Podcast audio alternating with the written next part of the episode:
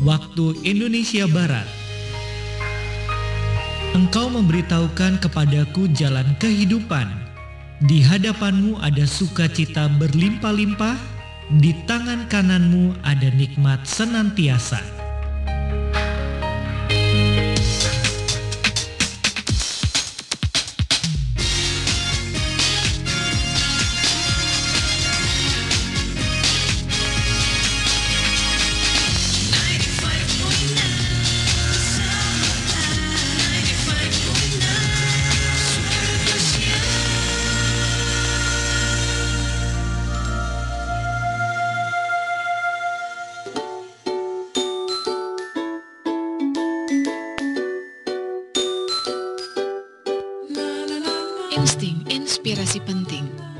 Kisah-kisah inspirasi yang penting untuk memperbaharui hati dan pikiran kita.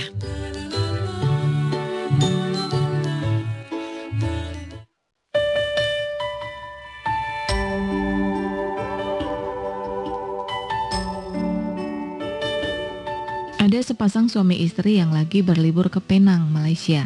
Mereka kagum melihat transportasi yang begitu tertata rapi tidak sulit untuk bepergian ke mana pun karena ada bis yang biayanya sangat murah.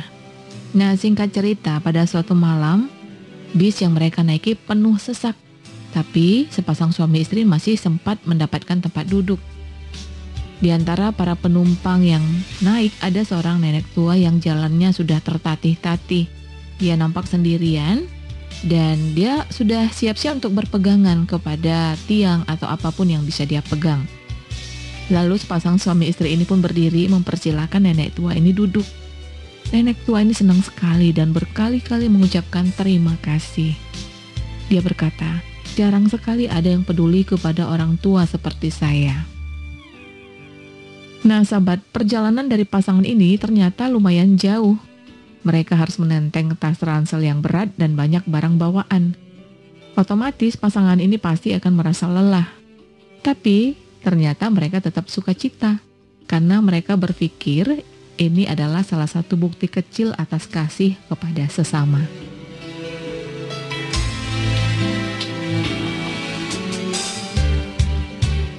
Masih di insting inspirasi penting. Sahabat, zaman sekarang ini orang yang memiliki kasih dan kemurahan hati itu semakin sulit untuk ditemui. Kita semakin banyak menemui orang yang egois, mau menang sendiri, dan tidak mau tahu tentang keberadaan orang lain. Nah, sahabat, seorang bijak pernah berkata, sekalipun kita memiliki semua jenis karunia, kemampuan, dan prestasi, tetapi jika tidak memiliki kasih, kita sama sekali tidak berguna. Mengapa kasih? Ya, karena kasih adalah hal yang mudah untuk dibicarakan, tetapi sulit untuk dipraktekkan.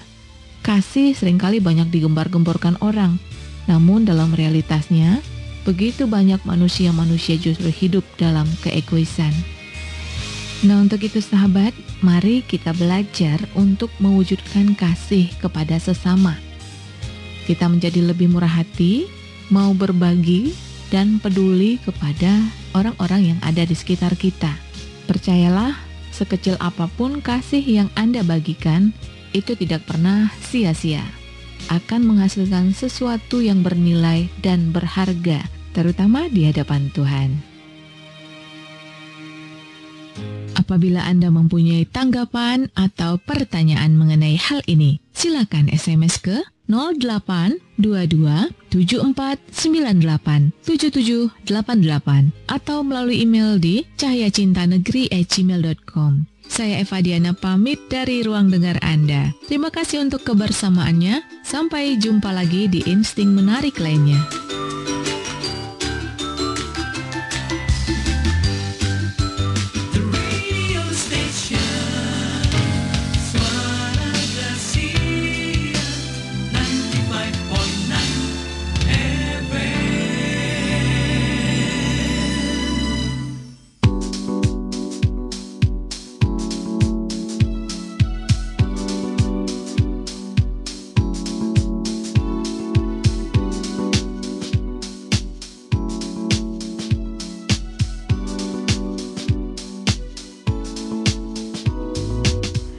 Suara Gracia FM The Sound of Life. Tuhan adalah gunung batu yang kekal. Shalom, selamat siang kaulah muda Gracia Apa kabar kalian semuanya? Semoga kalian semua dalam keadaan yang baik Dalam keadaan yang penuh sukacita dan pastinya diberkati oleh Tuhan.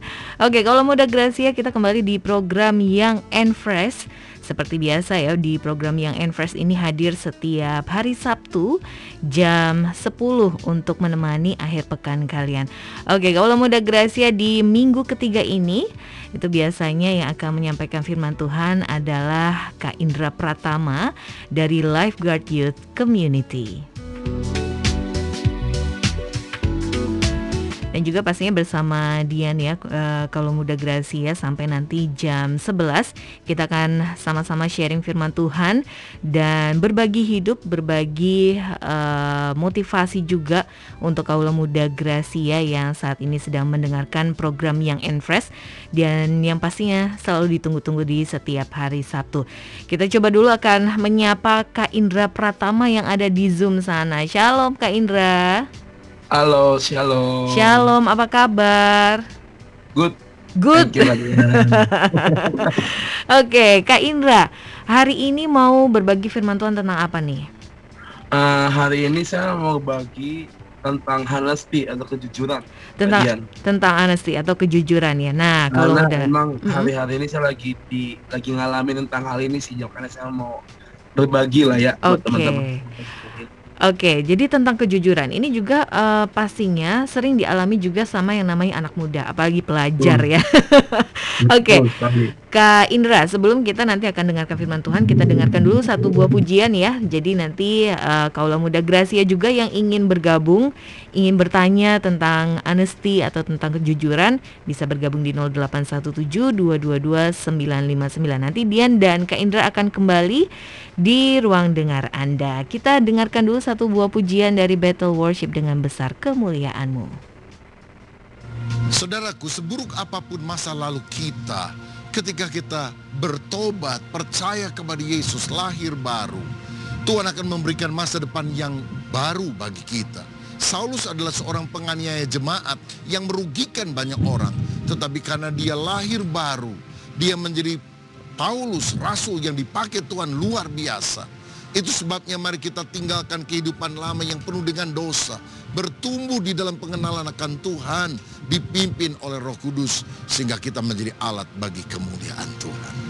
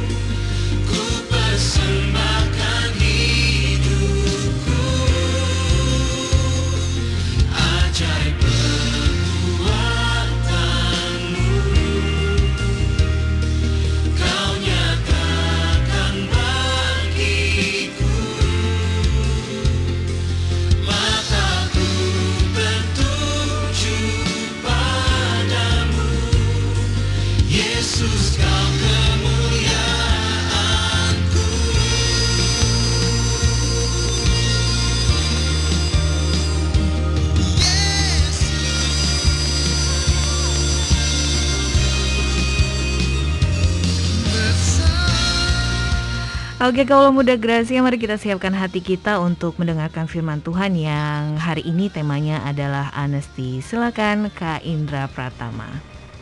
Oke, terima kasih dan selamat pagi semua buat rekan-rekan dari Radio Gracia dan semua pendengar setia dari program yang MPS. Mari pagi ini kita sebelum mendengarkan firman Tuhan, kita sebelum menerima benih firman Tuhan, saya mau mengajak setiap kita untuk mulai berdoa terlebih dahulu. Kita mau siapkan hati kita. Biar pagi ini kita boleh mendapatkan apa yang menjadi pesan Tuhan bagi kita bagi kita berdoa. Tuhan terima kasih Tuhan untuk pagi ini Tuhan. Kayak sungguh mengucap syukur padamu Tuhan. Kayak boleh berkumpul bersama kayak boleh ada pagi ini ini semua karena anugerahmu Tuhan. Mari Bapa pagi hari ini kau yang siapkan setiap kami. Untuk kami boleh mendengarkan akan setiap pesan dan firman-Mu Tuhan. Karena kami percaya Bapak biar yang daripada Tuhan saja yang, yang jadi di hidup setiap kami Tuhan. Kami berdoa Tuhan biar kau yang memimpin Tuhan dari awal sampai akhir dan kami percaya Bapak biarlah pagi hari Tuhan kami boleh mendapatkan sesuatu yang baru yang berasal daripada Tuhan. Terima kasih Bapak. Demi nama kami berdoa dan mengucap syukur haleluya. Amin. Amin. Oke ya teman-teman semua pagi ini kita mau belajar kita mau mendengar firman Tuhan. Ketika saya berdoa apa yang saya sampaikan sebenarnya kemarin saya udah whatsappan ya sama Bang Leo Bang. Buat besok saya dapatnya tentang you are precious. Tetapi tadi pagi entah kenapa saya dapat banget tentang kalimat honesty makanya tadi bagi saya WhatsApp oh, bang saya ganti tema. Jadinya honesty tentang kejujuran. Nah teman-teman semua kenapa hari ini kita mau belajar tentang honesty atau kejujuran? Karena kejujuran adalah hal yang paling penting buat gaya hidup kita sebagai anak-anak muda sebagai anak-anak Tuhan di masa-masa ini kalau kita nggak membiasakan diri menaruh kejujuran di atas segalanya ya mungkin kita nggak bisa hidup seperti apa yang firman Tuhan katakan. Tetapi hari ini teman-teman di dalam hukum Taurat dan kesenjangan berkata jangan kita bersaksi dusta. Ya kayak Dian ya. Ada hukumnya kan bilang seperti itu kan bilang jangan bersaksi dusta. Artinya apa? Berarti kita nggak boleh bohong kita nggak boleh nggak jujur kita nggak boleh apa ya istilahnya mendusta dan segala macam. Tetapi yang Tuhan inginkan adalah ketika kita bisa bersikap jujur, berkata jujur apa adanya ketika kita mendapatkan sesuatu kita katakan ya kalau emang tidak katakan tidak. Jangan kita suka membuat membuat perkataan yang tidak tidak dalam diri kita. Nah pagi ini kita mau buka dari kisah Rasul 5 teman-teman. Kisah Rasul 5 ayat yang pertama sampai 5 kisah Rasul pasal yang kelima ayat pertama sampai 5 Nanti mungkin bisa gantian ya, Kak Dia. Oke, sebentar ya. Kak Dia ayat yang ganjil saya genap. Oke, kisah para rasul 5 ayat 1 sampai yang ke-5. 5. Oke. Ah. Saya yang ganjil ya? Ya. Oke. Ada seorang lain yang bernama Ananias. Ia beserta istrinya Safira menjual sebidang tanah. Dengan setahu istrinya, ia menahan sebagian dari hasil penjualan itu dan sebagian lain dibawa dan diletakkannya di depan kaki rasul-rasul.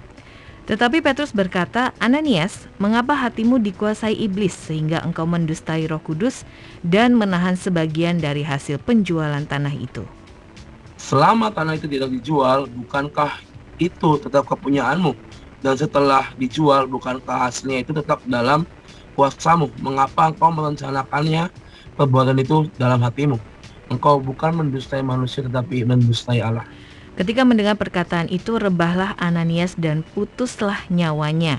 Maka sangatlah ketakutan semua orang yang mendengar mendengar hal itu.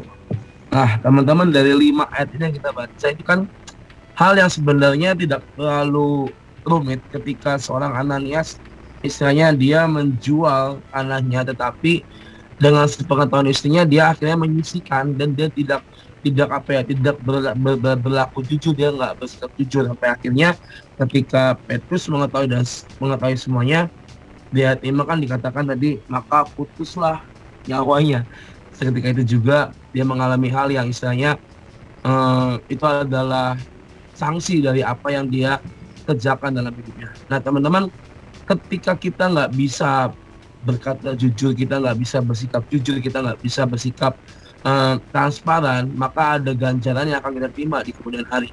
Dari kisah ini, dari ayat ini, dari lima ayat ini yang kita baca, apa sih yang bisa kita ambil teman-teman? Yang pertama, buat Tuhan, kejujuran itu sangat penting, teman-teman. Bagi Tuhan kita, kita ini bersikap jujur, bukan cuma di hadapan manusia, di hadapan Tuhan. Kita bisa jujur, itu adalah hal yang penting. Lalu yang kedua, Tuhan mau kita punya sifat yang jujur. Tuhan nggak mau kita punya sifat yang isanya berbohong, berdusta dan segala macam. Apakah kita mau seperti kita ini di ayat 5 ketika mengetahui segalanya akhirnya putuslah nyawanya.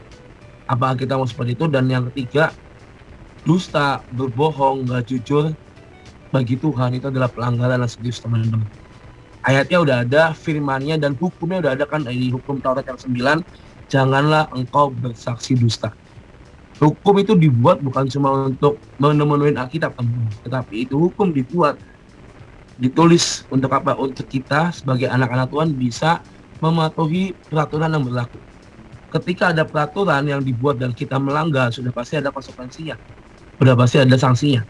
Dan hari ini yang kita pelajari adalah kita punya peraturan untuk kita jangan bersaksi dusta.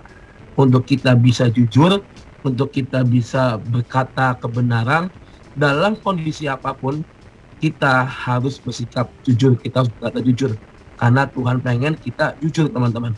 Tuhan nggak mengajarkan tentang kebohongan, Tuhan nggak ngajarin tentang apa ya istilahnya mengada-ngada, tetapi yang Tuhan ajarkan adalah real, nyata, dan no fake. Nggak ada apa namanya nggak ada kepalsuan dalam apa yang Tuhan ajarkan dan itulah yang harus kita kerjakan teman-teman semua dan hari ini kenapa harus jujur dan kenapa bohong itu dilarang karena kalau kita bohong, ya teman-teman ya kan dia kalau misalnya kita bohong ya, dari yang tadinya kita baik nih, akan berubah jadi hal yang buruk. Dan mungkin kalau kita udah buruk, kita bohong lagi, dari yang buruk akan menjadi semakin buruk, benar nggak? Ya. Misalnya kita kita ketika kita lahir kita dapat selembar kertas putih bersih, ketika kita taruh kebohongan, kita taruh apa ya kalimat dusta, kita taruh yang namanya penipuan di situ, berarti itu kertas sudah sudah lagi putih. Dari yang awalnya baik ketika kebohongan ketika dusta ketika kita nggak bisa jujur di hadapan Tuhan maka itu akan merusak pandangan Tuhan dalam hidup setiap kita. Dari yang tadinya mungkin kita baik karena kita akhirnya jatuh dalam dosa kebohongan akhirnya apa? Kita menjadi pribadi yang tadinya baik tapi menjadi pribadi yang tidak baik lagi hmm. yang mungkin tadinya kalau kalian hari-hari ini masih ya nakal, masih belum bertobat, ya dari lu hari-hari ini supaya masih seperti itu karena lu sering-sering bohong, ya akhirnya tambah buruk lagi. Tapi apakah itu yang Tuhan mau dalam hidup kita? Tidak. Hmm. Tapi yang Tuhan mau adalah kita bisa bersikap dan berkata jujur di hadapan Tuhan. Itu teman-teman apa yang misalnya yang perlu kita mengerti pagi hari ini. Mungkin ini khotbah yang istilahnya nggak terlalu berat, yang simple tetapi yang simple ini kadang tuh susah dilakuin tadi ya. Iya. Ya. Betul. Cuma kata satu, cuma satu kata kejujuran itu hal yang gampang diucapin tapi susah dilakuin, mm-hmm. ya kan? Banyak godaan, banyak tantangan buat kita bisa jujur, ya kan? Mm-hmm. Kalau mungkin kita sudah dalam dunia pekerjaan dan segala macam, banyak orang yang menghalalkan segala cara untuk dia bisa mendapatkan keuntungan. Banyak orang yang bisa uh, menda apa menghalalkan segala hal untuk dia bisa mendapatkan keuntungan untuk dagingnya sendiri. Tapi kan Tuhan mengajarkan jangan kita berbohong, jangan kita berdusta. Nah teman-teman pernah dengar Stephen ini nggak kak dia? Uh, apa-apa lah bohong kan buat kebaikan. Iya, iya, iya, yeah. sering banget ya. Kadang-kadang ya. untuk melindungi diri sendiri gitu ya, kebaikannya untuk kebaikan apa sendiri. Untuk membackup diri kan. Iya benar. Kan lu bohong, lo kan gue bohong buat kebaikan, iya, kan iya, bohong iya. buat buat buat bla bla bla bla. Hmm. Nah, Kak dia setuju gak dengan statement itu? Justru tadinya saya mau tanya ke Kak Indra. Tapi memang kadang-kadang ya diperhadapkan dengan situasi yang seperti itu ya. Uh, yang pertama tadi ya untuk membackup diri sendiri. Nah, yang kedua untuk uh, tidak untuk menyakiti orang lain. Tapi nyatanya hmm. hal itu tuh kadang-kadang bikin kita tuh dilema gitu ya. Terpaksa hmm. bohong hmm. nih supaya dia nggak sedih misalnya ya, supaya teman kita nggak sedih gitu. Itu uh, kadang-kadang terjadi ya, tapi ya uh, mau gimana lagi kadang-kadang juga harus dilakukan. Tapi Eh, Iya. pada dasarnya memang eh, kalau Dian secara pribadi sih emang nggak setuju ya kalau kebohongan untuk kebaikan. Betul. Karena sekali kita bohong ya tetap bohong sih even itu ada alasan Mm-mm. ada hal-hal yang mungkin kita bisa bilang ya tapi kan gue bohong buat kebaikan gue bohong buat ya buat melindungi orang lain ya kan Mm-mm. Iya. teman-teman ada yang namanya dosa besar dosa kecil dan oh dosa besar kan tau lah ya Mm-mm. lu maaf kata lu berzina lu membunuh lu mencuri itu dosa besar tapi Hmm. dosa kecil itu dosa-dosa yang istilahnya dalam keseharian kita yang istilahnya tanpa sadar mungkin bagi kita itu adalah hal yang biasa tetapi Mm-mm. ya sekali dosa tetap dosa yaitu Iya. ketika lu ketika kalian nggak jujur ketika kalian ngomong ah gue bohong kan buat kebaikan sekarang ya jangan sampai gini karena ada kalimat bohong demi kebaikan Mm. jangan sampai teman-teman semua ya istilahnya jadi bebas untuk kalian nggak bisa bersikap jujur di hadapan Tuhan. Iya. kita diajarkan Tuhan untuk kita bisa jujur. Jangan bersaksi dusta hukumnya ada. Tetapi jangan karena dunia bilang wah itu bohong apa buat kebaikan. Toh bohong-bohong bisa mendatangkan kebaikan. Itu itu bukan hal yang benar di hadapan Tuhan teman-teman. Ketika kita melakukan akan kalimat ini bohong buat kebaikan berarti kalian sedang tidak jujur di hadapan Tuhan Mm. kalian sedang membohongi diri kalian sendiri kalau kalian bilang gue bohong buat kebaikan ya kamu udah mengenal Tuhan kamu udah baca kita tapi kamu tetap melakukan kebohongan ya berarti kamu sedang membohongi diri kamu dan juga Tuhan kamu ya kan Mm. sekarang gini ketika orang bilang gue bisa nih bohong demi kebaikan coba perhatikan perhatiin ada konsekuensinya apa dari kalian ketika kalian melakukan statement ini apa lah sekali-kali ya buat kebaikan bersama ya kan Mm-mm. Buat buat buat kepentingan bersama. Iya, iya, iya. ada konsekuensinya kak dia. Betul. apakah bohong itu semuanya akan menjadi lebih baik? Mm. apakah dengan kamu berbohong semuanya akan menjadi lebih buruk? Nah kalian mau ngelakuin kebohongan kalian pikir konsekuensinya. Konsekuensinya adalah kebohongan demi kebaikan yang kalian lakuin. Apakah itu akan membawa kalian kepada hal yang lebih baik atau membuat kalian kepada hal yang sebaliknya teman-teman itu yang harus kalian ingat teman-teman. Karena tadi saya bilang ada dosa besar ada dosa kecil. Nah dosa kecil ini yang lama-lama ketika tanpa kita sadari kita terus nimbun nimbun dan nimbun lama-lama kan jadi besar ya. Kalau nimbunnya minyak goreng sekarang yang mungkin bisa dijual kan. Ya, semua orang butuh minyak sekarang kan. Iya, benar. keadaan yang semakin ketahuan di dunia ini semua orang bisa ya butuh minyak. Tapi ya itu nimbun pun kan dia jadi dia kan Iya. berarti lagi nggak ber- nggak ber- bersikap jujur kan Iya. dia nimbun buat dia jual untuk dapat untung Mm-mm. ya kan dari situ itu mungkin hal yang hal yang mungkin gini ada dua paradigma ketika mungkin sesuatu ini, ini contoh ya teman-teman Mm-mm. semua ketika sekarang lagi susah lagi susah minyak goreng ya jadi ak- akhirnya ada orang yang istilahnya dia punya uang lebih dia akhirnya beli minyak yang banyak dia Mm-mm. timbun Mm-mm. lalu dia jual lagi dengan harga di atas yang dia beli Iya. salah nggak ya nggak salah sih ada Iya. baiknya itu menolong ya Mm-mm. kan tetapi faedahnya apa buat kita kita Hmm. nimbun ya kita jual lagi dengan harga yang sangat tinggi lalu kita dapat untung teman-teman nah kadang dua hal ya udah kita nimbun buat kebaikan bersama tetapi ya tetap kamu nggak bisa jujur di hadapan Hmm. Tuhan ya kan Betul. bersikaplah apa adanya seperti apa yang Tuhan firmankan dalam hidup kalian Mm-mm. jangan kalian bersikap seperti ada apanya Mm-mm. seperti apa yang kalian ingini apa adanya dengan ada apanya itu beda Iya benar. mau pilih nah, dia pilih kalau dia mau pilih apa adanya atau kalau dia mau pilih ada apanya gitu kan Iya. Apa Jadi teman-teman- ya. iya makanya ayo ini kita mesti ini saya bilang dari awal ini Hmm. ini khotbah yang simple hari ini tapi mungkin susah untuk dilakukan teman-teman ya Mm-mm. kita buka satu ayat dari Matius 5 37 teman-teman ini ayat yang sangat bagus sekali Matius 5 ayat 37 ini barusan ada yang WA saya tadi ya Iya, apa tuh? jadi dia lagi dengerin kan siaran radio bom kasih ayat ini udah siap udah saya siapkan Oke. Ya. Oke. Matius 5 Matius 5 ayat 37. Saya 37. bacakan ya. Boleh. Jika iya, hendaklah kamu katakan iya. Jika tidak, hendaklah kamu katakan tidak. Apa yang lebih daripada itu berasal dari si jahat. Nah, ini Hmm. firman yang sangat bagus ya tadi ya. Hmm. Jika iya katakan iya, Mm-mm. jika tidak katakan tidak. Apa yang lebih daripada itu berasal dari si jahat. Hmm. Berarti berbohong buat kebaikan itu bukan dari Tuhan, Mm-mm. tapi dari si jahat.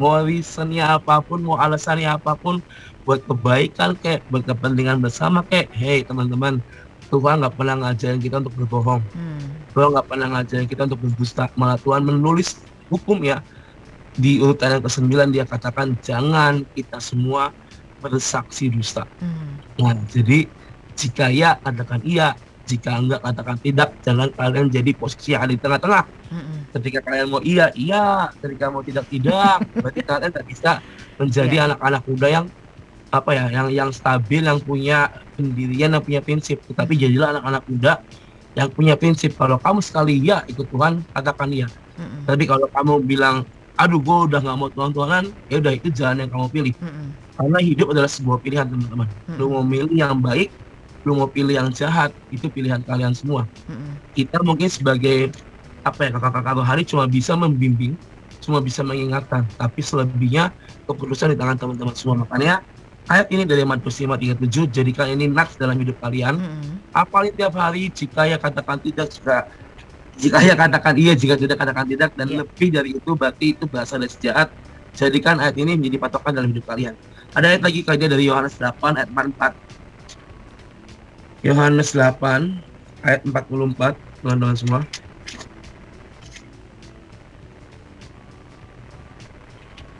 Yohanes pasal 8 ayat yang ke-44 Saya bacakan ya. Oke. Iblislah yang menjadi bapamu dan kamu ingin melakukan keinginan-keinginan bapamu. Ia adalah pembunuh manusia sejak semula dan tidak hidup dalam kebenaran. Sebab di dalam dia tidak ada kebenaran. Apabila ia berkata dusta, ia berkata atas kehendaknya sendiri. Sebab ia adalah pendusta dan bapa segala dusta. Nah, ini ayatnya nyambung ya teman-teman ya. Nyambung, nyambung. Nyambung dari semua yang kita baca pagi hari ini. Mm-mm. Kalau kalian memilih untuk berdusta, berarti bapak kalian itu bukan Tuhan. Mm. Ya ini maaf gua ngomong agak sedikit apa ya frontal tapi ya emang bener sih. Mm. Tuhan nggak pernah ngajarin kebohongan. Tapi kalau kalian memilih untuk berdusta, berarti ya yang kalian jadi bapak tuh bukan Tuhan, tetapi Mm. ayat ini si iblis ini, Mm-mm. ya kan? Ini ayat sangat jelas. Iblis nggak suka dengan kebenaran. Iblis nggak suka dengan orang yang jujur. Mm-mm. Iblis nggak suka dengan orang yang istilahnya punya pendirian, tetapi dengan berbagai cara iblis akan buat anak-anak muda, anak-anak tua menjadi anak-anak yang berbohong, jadi anak-anak muda yang nggak jujur, jadi anak-anak muda yang nggak punya pendirian. Tetapi hari ini teman-teman, pilihannya kalian mau pilih bapak yang bisa mengajarkan tentang kebenaran dan kejujuran, atau kalian mau pilih bapak yang satunya yang akan mengajarkan tentang dusta, kebohongan, ketidakjujuran yang mungkin bagi daging enak untuk kita nikmati, Hmm. kan? Tetapi endingnya, tetapi akhirnya kita nggak pernah tahu apa yang ada di akhir nanti. Tetapi kalau kita memilih Tuhan sebagai Bapa kita yang mengajarkan kita tentang kejujuran dan kebenaran, maka endingnya adalah apa? Kita akan ada bersama-sama dengan Tuhan di surga nanti. Dan pilihannya, teman-teman, ada di tangan teman-teman semua pagi hari ini. Mm-mm, Oke. Jadi ini dia eh kaula muda Gracia tentang kejujuran ya. Kadang-kadang kalau anak muda itu ya, eh, apalagi yang masih remaja gitu ya, Ya. berkaitan dengan nilai, aduh dapat nilai jelek banget nih dari sekolah harus ditanda tangan orang tua ya kan? Nah. Masih nggak sih kayak gitu? kalau dulu Itu saya pernah dulu kan, saya pernah dulu pernah kayak saya gitu. juga Jadi pernah yang, ngalamin. yang jelek saya umpetin, ya. Iya, iya Yang benar-benar. bagus-bagus saya, saya, Nah. saya, saya kasih tahu. Ditanya, ini ulangan ini mana? Oh, belum dibagiin, ya kan? Itu bohong. Eh, benar. Itu Oh, salah satu iya. dosa kecil tadi yang disinggung oleh Itu kan saya ya. taruh kan di lemari pakaian tuh. Eh, eh, Bisa, bisa lipat-lipat. Iya. Ketahuan dong, karena mama saya kan beresin lemari saya kan. Ketahuan dia kan dimarahin dong. Iya. Itu konsekuensinya dari ketika lu nggak jujur dengan hal kecil eh. seperti itu ya ada konsekuensinya dimarahin Benar. ya kan konsekuensinya ada dua Mm-mm. konsekuensi di dunia Mm-mm. ngadepi orang tua kalian Mm-mm. dengan konsekuensi di hadapan Tuhan nanti Iya. di akhir dan kita naik ke surga ada kita kehidupan Indra atau dia pernah berbohong kan. Masalah Dan- nilai. Nilainya Nah. dimanipulasi. Ketahuan banget ya. banyak sih gak ada Iya, iya, kebohongan iya, iya. kebohongan anak-anak muda Mm-mm. bilangnya mau les gak les Mm-mm. ya yang mau tugas kelompok tugas kelompok Mm-mm. Ya, itu mungkin bagi kita ya anak-anak muda buat teman-teman semua itu hal yang simple hal yang misalnya tidak suatu hal yang bukan suatu hal yang serius. Iya. tapi dari yang tidak serius itu ketika dikumpulin jadi hal yang serius nantinya ya kan? Betul betul betul betul. Takut bohongin orang tua saya pernah dulu tadi ya waktu Iya. zaman saya nakal jadi saya bohong sama saya bilang mas saya mau les ini mau les ini karena nilai saya masih kurang. Ya kan akhirnya sebulan kan lumayan tuh lima ratus ribu waktu itu kan. Luar biasa nah, loh itu biarin saya buat main-main saya berpoya-poya ya itu kan berarti kan saya lagi nggak bersikap jujur Iya, sama mama saya ya kan? Ketika Benar. mungkin buat daging saya enak saya bisa poya-poya saya bisa nikmatin uang tetapi Mm-mm. istilahnya ya ada pertanggungjawaban yang harus saya lakukan. Ketika semuanya ketahuan ya udahlah Iya. habis saya dia saya di saya di sidang ya kan? Saya di mana bisa bisa. Tapi ya Oke. ya itu teman-teman semua kadang kita ini anak-anak muda terjebak dengan hal-hal yang seperti Semu, itu ya hal-hal yang mungkin bagi kita biasa tetapi ya tetap bagi Tuhan tuh bukan hal yang misalnya lu mau ngelakuin apa sekecil apa pun Tuhan tuh tahu kok Tuhan tuh melihat tuh. Tuhan Mm-mm. bukan Tuhan buta tapi Tuhan melihat semuanya apa yang kita lakukan dalam kehidupan kita teman-teman Oke, oke, ya itu contoh kecil tapi konkret yang pernah kita alami juga ya. Saya dan eh, Indra juga, Kak Indra juga pernah mengalami hal yang demikian nih kalau muda Gracia. Jadi jangan sampai ditiru karena pasti eh, akan ada konsekuensinya. Tadi di di awal-awal juga sudah dibilang akan ada konsekuensinya yang akan kita terima. Kalau misalnya memang nggak ketahuan nih ya, tapi tetap penghakiman terakhir itu ya kita akan mengalaminya, bener nggak sih?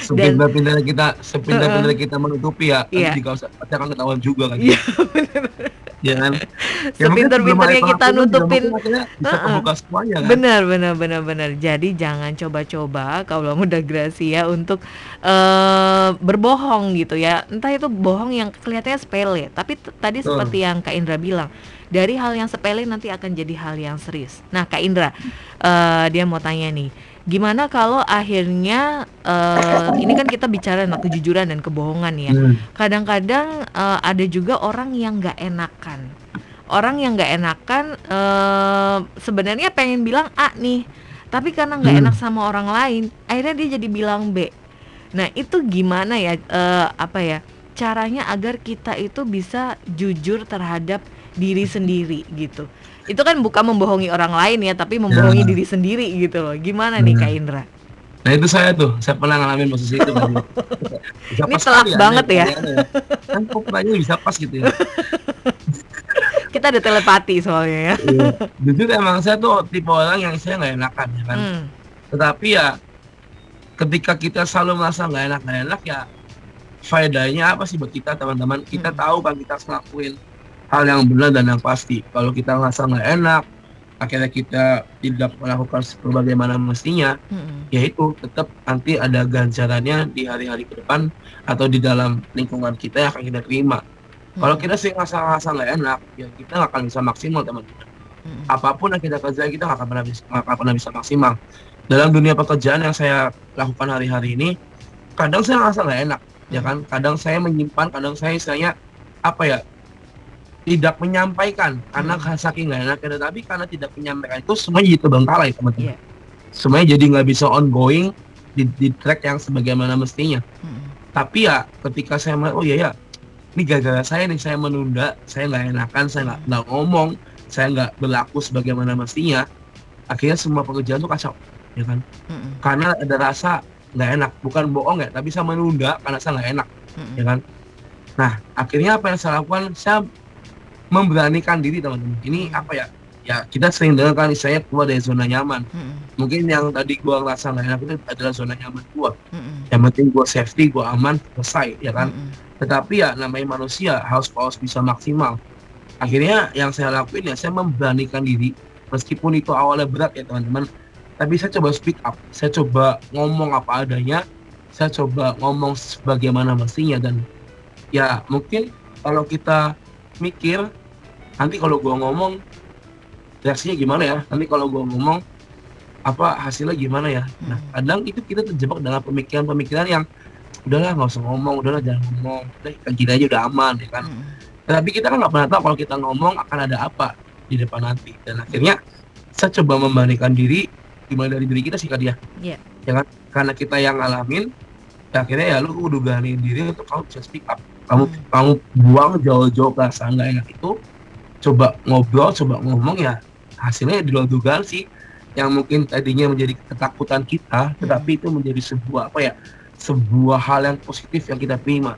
Mm-mm. di luar dugaan mungkin reaksi mungkin atasan kita reaksi mungkin re- rekan kita atau partner kita tuh akhirnya ketika kita bisa bicara jujur bicara apa adanya yang tadi yang nggak enak buat ngomong tapi kita bisa bicara jujur dari dengan dengan gaya bahasa yang pas dengan istilahnya atmosfer yang pas dengan Hmm. kondisi yang pas ya ya semuanya berbeda sih teman-teman. Mm-mm. jadi kalau misalnya tadi ada yang ngomong gimana ya caranya kalau misalnya kita nggak- selalu nggak enakan dan akhirnya buat kita nggak jadi bisa ngomong ya.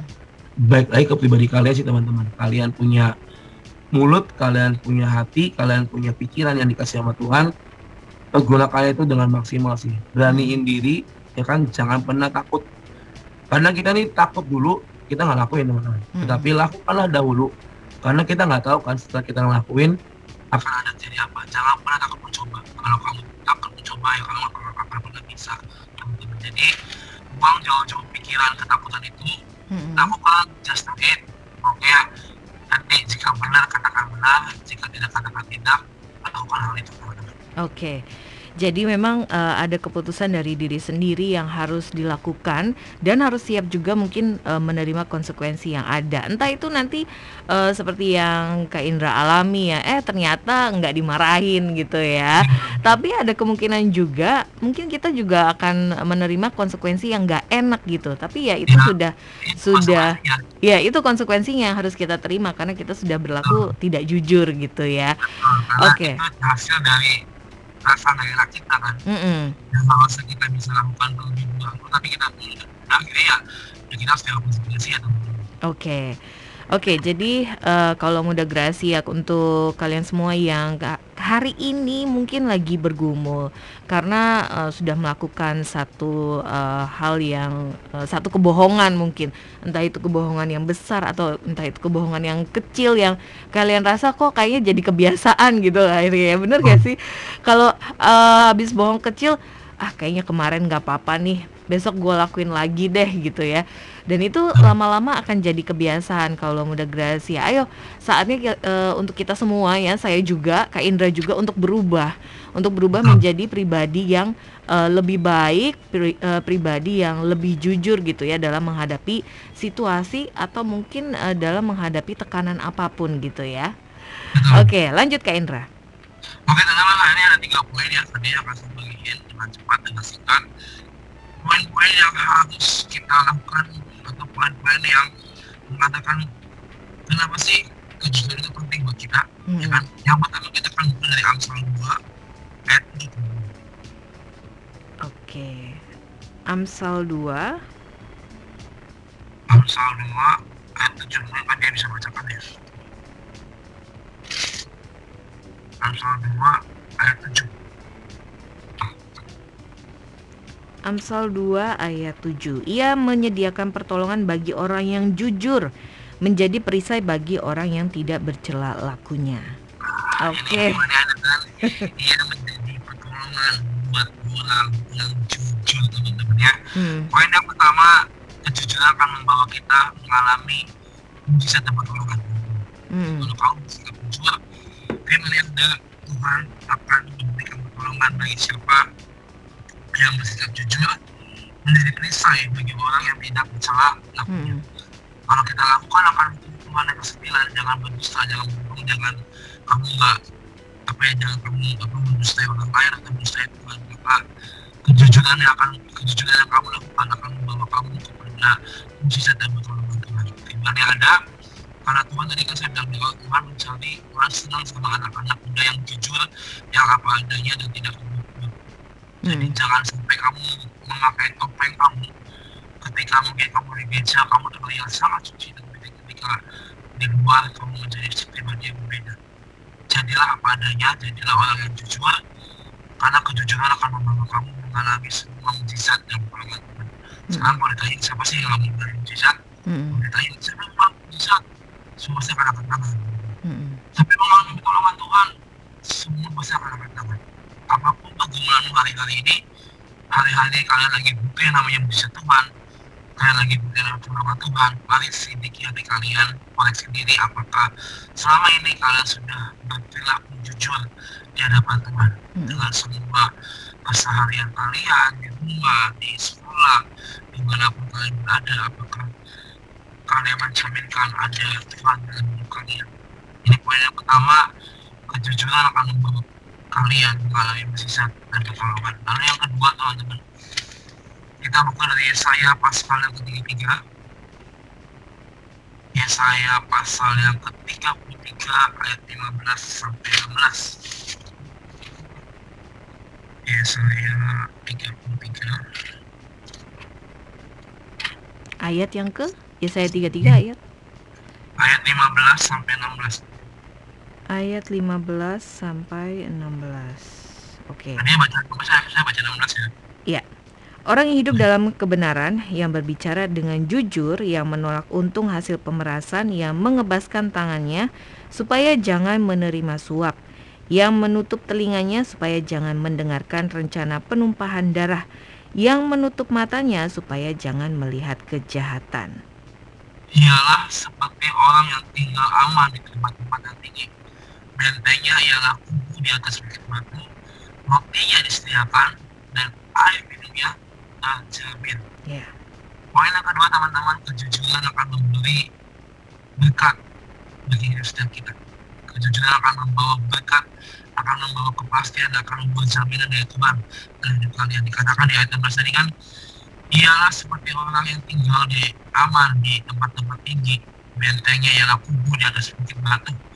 Rotinya disediakan dan air minumnya terjamin. Ketika kalian mungkin hidup di padang gurun, hidup di bukit-bukit yang berbatu kan susah ya mencari makan dan segala macam tapi Tuhan menjamin semuanya dan bukti disediakan air minum terjamin itu adalah ilustrasi ketika kita bisa berperilaku jujur Hmm. kita bisa berperilaku benar even dalam kondisi batu karang sekalipun dalam hidup kalian kalian lagi kering kalian lagi mengalami yang namanya pada bukun kalian lagi mengalami yang namanya kesusahan misalnya mungkin ada yang tadinya punya segala kita menjadi bangkrut hidup kalian Hei teman-teman Tuhan nggak pernah membiarkan kalian jatuh di letak sekalipun Hmm. karena Tuhan tidak memberikan kesusahan tetapi Tuhan akan memberikan kemudahan, kepastian dan jaminan dalam hidup kita kejujuran akan memberi berkat dalam hidup setiap kita Ya. percayalah apa pun kondisi kalian hari-hari ini mau kalian bilang aduh gue lagi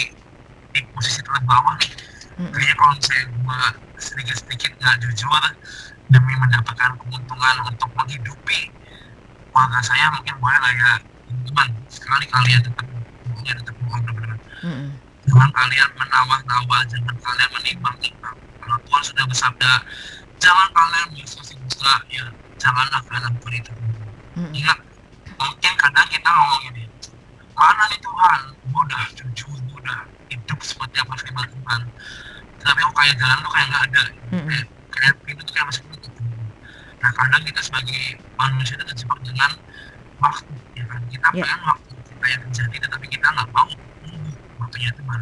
Tapi kan memang Tuhan tahu nih timing yang tepat kapan waktu yang pas kapan dia bisa memberkati kita. Oke. asal kita bisa setia dalam kejujuran kita Tuhan pasti berkat yang melimpah dalam hidup kita semua teman-teman saya mungkin ini firman juga buat para orang tua juga buat orang dewasa juga ketika kalian ketika kita semua bisa berperilaku jujur percayalah Tuhan akan memberkati kita Hmm. di luar pemikiran kita Tuhan akan memberkati kita di luar ekspektasi kita Ya. asalkan teman-teman semua bisa ber, apa berperilaku jujur Hmm. dalam kehidupan teman-teman semua. Lalu yang ketiga, yang terakhir teman-teman, kita buka dari Mazmur pasal yang ke-50 ayat 23. Mazmur pasal yang ke-50 ayat yang ke-23. Mazmur 50 ayat 23. Siapa yang mempersembahkan syukur sebagai korban, ia memuliakan aku. Siapa yang jujur jalannya, keselamatan yang dari Allah akan kuperlihatkan kepadanya. Poin yang ketiga, kejujuran akan membawa dan menuntun kita kepada keselamatan. Hmm. karena endingnya semua manusia di dunia ini yang dicari apa sih bukan harta bukan benda bukan kekayaan tapi endingnya nanti yang dicari itu apa keselamatan Hmm. karena kita nanti akan balik lagi ke surga sana tapi Iya. pertanyaannya ya kita sekarang ada di jalan mana kita Hmm. ada di dalam jalan Tuhan atau kita ada di dalam jalan kita sendiri Hmm. kejujuran akan menuntun kita kepada keselamatan dengan ayat yang sudah ada di Mazmur 23 mari teman-teman hari-hari ini kejujuran itu jadi bukan mungkin hal yang kecil malah simpel Hmm. tapi efeknya besar Hmm. Tadi poin yang pertama kejujuran akan membawa kita akan akan membuat kita mengalami yang namanya mujizat dan pertolongan. Hmm. Lalu yang kedua kejujuran akan memberi kita berkat, Hmm. akan menghasilkan setiap kita dan ketiga kejujuran akan menuntun kita kepada keselamatan ini yang Iya. paling penting. Oke. Semua orang mencari yang namanya keselamatan. Semua orang bukan cuma di kota Cirebon, tapi semua anak-anak di seluruh dunia Hmm. mencari yang namanya keselamatan.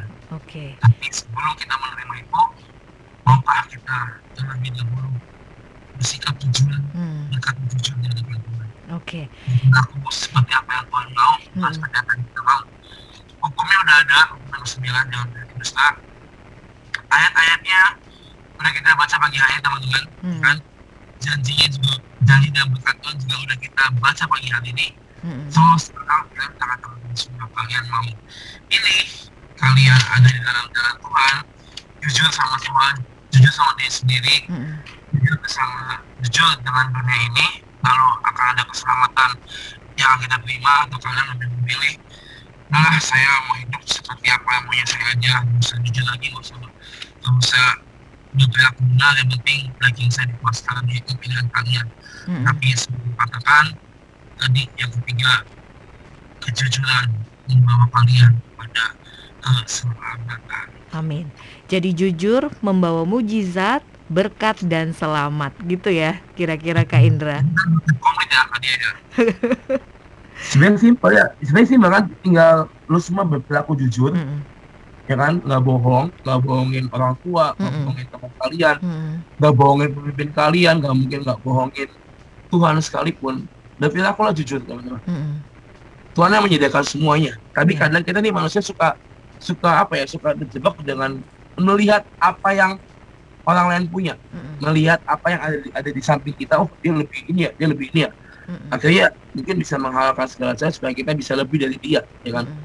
Tapi itu adalah pemikiran yang salah teman-teman. Tuhan sudah memporsikan, sudah mencatatkan catanya masing-masing buat hidup kita. Hmm. Ya Tuhan sudah menulis semuanya berkat mujizat buat dia, buat saya semuanya Hmm. udah ditulis semua tinggal kita nunggu percaya berharap jujur setia maka kita akan menerima akan semua. Itu jangan kita apa ya memakai cara kita. Jangan kita istilahnya terjebak dengan pemikiran dunia kita. Hmm. akhirnya itu membuat kita jauh daripada Tuhan. Tapi ayo hari-hari ini pelajari terus firman Tuhan pelajari terus tentang hukum Tuhan yang kesembilan. Jangan bersaksi dusta. Berperilaku jujur karena gue percaya kejujuran akan membawa kita kepada kebaikan di depan nanti teman-teman. Oke, Kak Indra terakhir nih, ini baru aja eh, terlintas di pikiran saya. Kadang-kadang kalau kita jujur, kita tuh diperhadapkan dengan eh, ketidakadilan. Nah, ya kan? Kadang-kadang ki- ketika kita jujur tadi di poin yang kedua itu kita diperhadapkan dengan eh, jangan menerima suap ataupun menyuap, jangan Hmm. mendapatkan harta dari eh, pemerasan gitu ya Hmm. eh, keuntungan dari pemerasan. Tapi eh, keadaan kita nih lagi kayak kepepet banget gitu loh. Dan eh ada kesempatan gitu. eh, bahasa Prancisnya delalahnya gitu ya. Ada kesempatan. Prancis.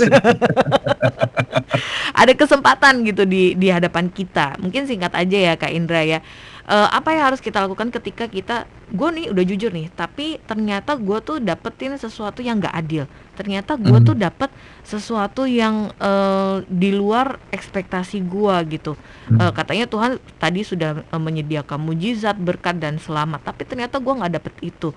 Nah, eh, sikap hati seperti apa sih yang harus kita miliki Kak Indra? Apakah kita ya udahlah gue caplok aja di depan eh, gua nih ada ada uang segini misalnya atau eh, ataukah kita tetap harus menjadi seseorang yang eh, lempeng-lempeng aja alias jujur-jujur aja gitu manusia ya manusia itu kadang kan berpikir dengan cepat ya Hmm. dengan instan kadang kita ngelakuin hal yang dengan pikiran pendek kita ya udahlah yang penting gua selamat apa yang ada di depan gua gua caplok sekarang gini baik lagi ke pribadi masing-masing yang kalian cari itu yang kekal Mm-mm. atau yang semu teman-teman Mm.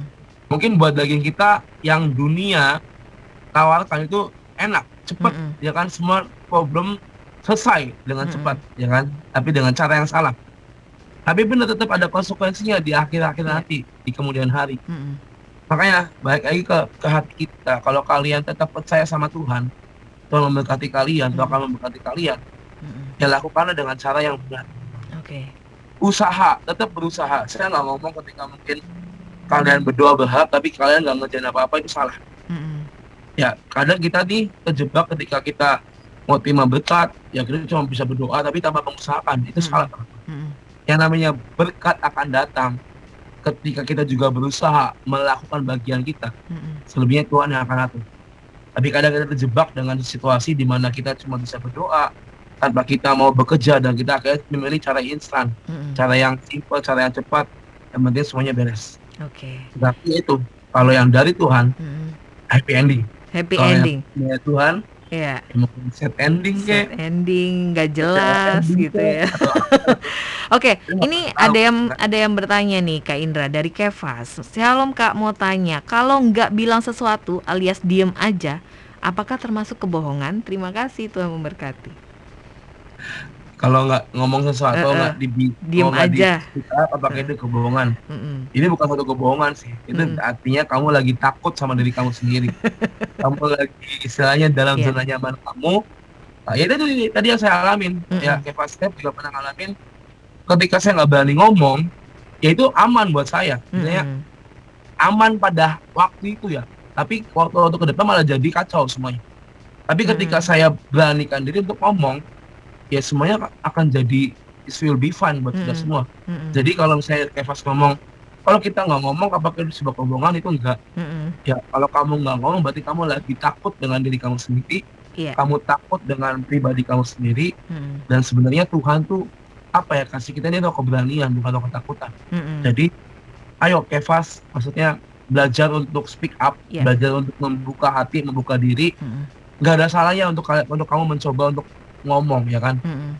daripada kita pendem pendem pendem pendem Mm-mm. itu justru nggak enak kok teman-teman Iya. saya pernah ngalamin satu hal yang istilahnya harus saya bicarakan tapi saya pendem terus Mm-mm. tapi itu jadi pikiran jadi kacau ya kan hati Mm-mm. jadi nggak enak maksudnya ribet lah dalam Iya. dalam hidup kita tuh ribet tapi ketika udah coba ngomong ya ya plong aja gitu rasanya Iya.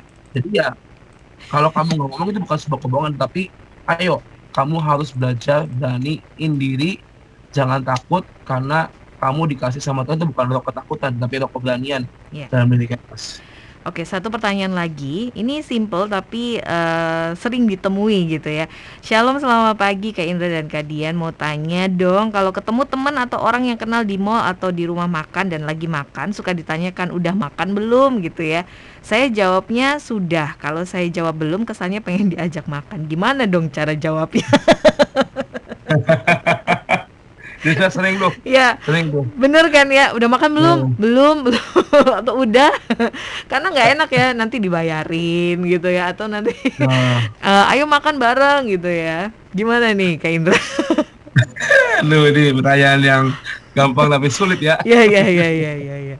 kalau saya di situasi itu ya ditanya udah makan belum ya kalau dulu saya selalu ngomong udah padahal belum makan ya kan Heeh. itu bener ada nggak enak takut nanti diajakin makan dia kan nggak enak ya tetapi Iya. Kalau itu teman kamu ya saya itu teman yang tadi apa teman ya Iya iya teman. kenal ya Mm-mm. Ya, kalau itu orang kenal ya udah aja sih maksudnya apa ya kalau saya ada teman deket ya udah lu udah makan belum belum tapi yang aja lah gampang dengan Jujur ya aja kalau dia gitu mau ya. ngajakin syukur ya itu berkat buat kamu Mm-mm. kalau nggak diajakin ya udah nih kamu makan sendiri kan Iya. oke apa ya jangan jadi kamu nggak enak enakan ya Hmm. ngomong aja apa adanya sih Oke. Udah makan belum belum kalau misalnya dia yuk makan yuk bareng ya udah itu berkat Tuhan buat kamu teman Nah, Tuhan pakai orang itu buat ngeberkatin kamu saya sih sekarang mikirnya gitu ya kalau dulu saya ngomongnya aduh udah udah makan padahal belum makan ya kan akhirnya kan ngeliat orang ya ya kan. Tuh, lapar ya tapi ya udahlah ya kan Lumayan ya. ya. Oke. saya mencoba jujur Mm-mm. bukan berarti kita mau dibayarin teman-teman kadang Mm-mm. kita itu jebak kok lu mau dibayarin ya makan enak enggak teman-teman Mm-mm. kita bicara apa adanya dan orang lain ngajak kita makan ya itu berkat Tuhan buat kita Mm-mm. Mm-mm. ya tapi jangan sampai gini iya gue belum makan lu mau ngajakin gue makan tak jangan Bayarin sih gitu. Jangan- jangan- Apalagi bayarin sih gitu ya. jangan jangan kita jadi Jangan ya. jadi meminta tetapi Mm-mm. kalau saya dia nanya dan kamu bilang oh belum tadi saya habis ini ini jadi belum sempat makan ya terus ketika saya dia ngomong ya yuk makan yuk bareng sama gue ya udah terima Mm-mm. aja sih kalau Mm-mm. saya mah itu berkat berkat Tuhan buat hidup kamu Oke, kita eh karena waktunya ini udah mepet sekali ya, Kak Indra tinggal tiga menit sia- eh, sisanya. Sepertinya kita harus mengakhiri yang Enfresh kali ini. Kita akan berdoa penutup. Silakan Kak Indra. Yuk, mari kita tutup dalam doa. Tuhan, terima kasih pagi ini kami sudah belajarkan kebenaran firman-Mu. Kami diajar untuk kami bisa berkata jujur, bersikap jujur. Tuhan, kami percaya Bapak, ini bukanlah hal yang mudah bagi setiap kami anak-anak muda. Tapi kami percaya bersamamu Tuhan kami bisa melakukan semuanya bersama dengan Engkau. Karena kami tahu Tuhan Kau yang memberikan kami kepada kami roh, roh keberanian, bukan roh ketakutan. Mari Tuhan buat kami boleh berani bersikap jujur, berkata jujur pada hal apa pun Tuhan kami tahu Tuhan meskipun ini hal yang sangat simpel tapi kami tahu ini hal yang mungkin sulit buat daging kami kerjakan tapi kami percaya Papa pagi hari ini Tuhan siang hari ini Kau yang mampukan setiap kami untuk kami bisa hidup seperti apa yang menjadi firman Tuhan. Terima kasih Bapak. Kami percaya Tuhan ketika kami melakukan setiap firman-Mu untuk kami boleh jujur di hadapan Engkau Tuhan yang menjamin dan memberkati hidup setiap kami Tuhan. Terima kasih Bapak buat segalanya. Kami berdoa buat setiap teman-teman kami, rekan-rekan kami yang mungkin hari ini dalam pergumulan, lagi mengalami suatu masalah. Kami percaya Bapak Kau yang berikan pertolongan tepat pada waktunya, Kau yang berikan kelegaan, biarlah semua pergumulan, setiap eh, masalah demi masalah yang mereka hadapi, hamba percaya Bapak ini waktunya Kau menyatakan mujizatmu dalam setiap mereka. Mari Tuhan Kau yang bawa mereka lebih bisa mengalami Kau lebih dan lebih lagi Tuhan. Kami berdoa Tuhan untuk setiap rekan-rekan kami di Radio Suara Gracia Tuhan. Kami percaya Bapak, Kau yang pakai rekan-rekan kami dengan sangat luar biasa, apa pun yang menjadi program apa menjadi kebutuhan dari Radio Suara Gracia, kami percaya Kau Tuhan yang menyediakan tepat pada waktunya, dan mari bawa Radio Suara terbang lebih tinggi lagi bersama dengan Engkau. Terima kasih Bapak, kami serahkan hidup kami ke dalam tangan kuasamu Tuhan, kami percaya Engkau lah Tuhan yang membawa keselamatan bagi hidup setiap kami. Terima kasih Bapak, demi nama sekali berdoa dan mengucap syukur, haleluya, amin. Amin. Oke, Kak Indra mungkin bisa infokan untuk eh, ibadah LG setiap hari apa? Silakan Kak Indra. Oke, kami dalam Gagal Community ada ibadah teman-temannya setiap hari Jumat jam 6 sore di Gedung Santai 2.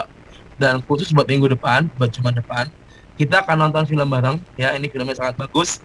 Judulnya I Can Only Imagine. Jadi Mm-mm. ini film rohani yang sangat bagus yang bisa memberkati kita. Mari saya undang teman-teman semua boleh hadir minggu depan tanggal apa ya? 25 ya. 25 ya. 5 jam 6 sore di di gedung santai 2 kita akan nonton bersama dan tenang kita sediakan popcorn atau snack nanti ya. Oke. jadi ajak teman-teman semua dan setiap Jumatnya jangan cuma datang pas minggu depan tapi saya berharap kita bisa datang bersama-sama. Beribadah di hari Jumat jam 6 sore di gedung siang 2 bersama Lifeguard Youth Community. Follow IG-nya at Lifeguard Youth Community. Oke. Oke, terima kasih Kak Indra sudah share firman Tuhan di hari Sabtu ini. Semoga kalau muda Gracia diberkati dan mohon maaf untuk beberapa pertanyaan yang eh, tidak bisa diungkapkan ya karena keterbatasan waktu. Oke, terima kasih Kak Indra. Kita ketemu lagi di minggu depan. Shalom. Oke, kalau muda Gracia itu dia firman Tuhan yang sudah kita dengarkan sama-sama. Akhir kata, Dian harus pamit undur diri dari ruang dengar Anda. Selamat siang dan Tuhan memberkati. Shalom.